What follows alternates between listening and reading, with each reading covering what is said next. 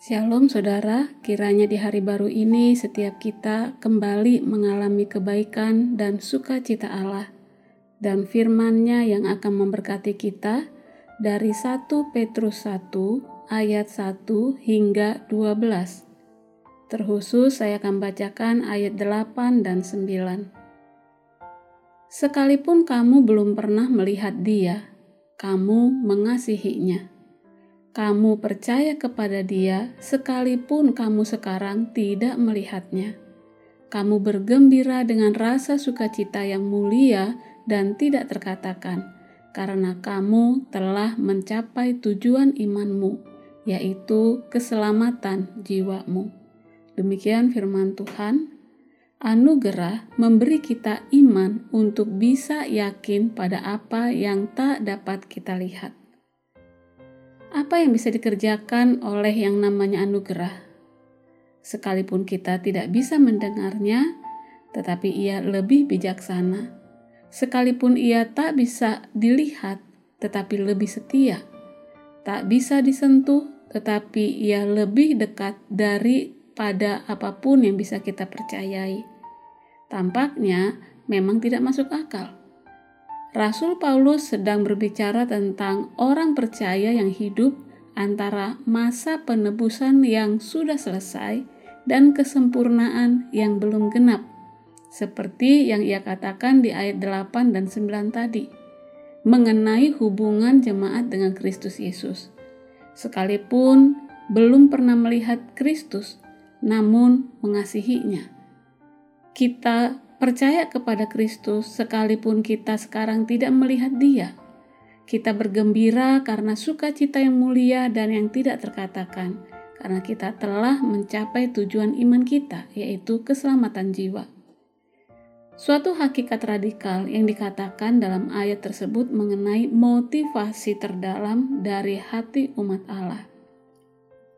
Mereka menghubungkan kasih, kepercayaan, sukacita, dan iman mereka yang terdalam kepada seseorang yang belum pernah mereka lihat, dengar, maupun sentuh. Mereka meletakkan pengharapan dan impian kehidupan kepada pribadi yang tidak kelihatan itu. Relasi mereka dengan Dia adalah kasih yang mengubahkan hidup. Saat memikirkan tentangnya, mereka mengalami sukacita yang teramat dalam hingga tak bisa diungkapkan.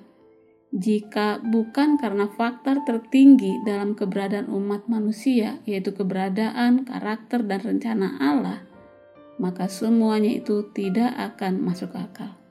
Kita akan mundur, menatap orang-orang percaya itu, dan menyimpulkan bahwa mereka berhalusinasi, tidak waras namun mereka tidak gila. Justru merekalah orang-orang yang diberkati, dicerahkan, dibukakan hatinya untuk menerima hal terpenting yang bisa dicerna. Itulah karya anugerah. Ia menyelamatkan kita dari kebutaan rohani, melepaskan kita dari perbudakan rasionalisme dan materialisme Anugerah memberi kita iman untuk bisa sepenuhnya yakin pada apa yang tidak dapat kita lihat. Ia membebaskan kita sehingga tidak lagi menolak percaya pada apa pun yang tidak bisa kita tangkap dengan indera ragawi. Namun, anugerah bekerja lebih lagi.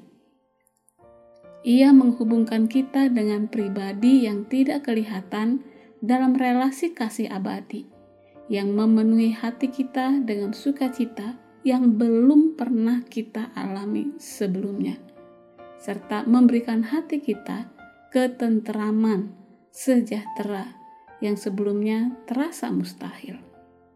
Saudara, anugerah itu sampai sekarang masih terus bekerja dalam diri setiap kita, umat tebusan Kristus.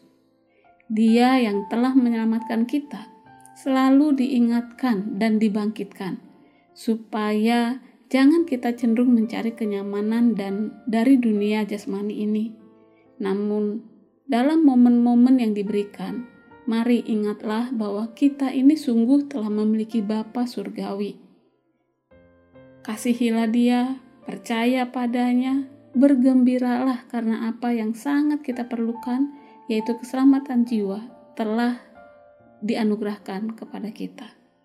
Anugerah telah mengerjakan hal yang luar biasa bagi kita dan masih terus bekerja lebih lagi. Untuk itu, semangatlah Tuhan memberkati kita. Amin.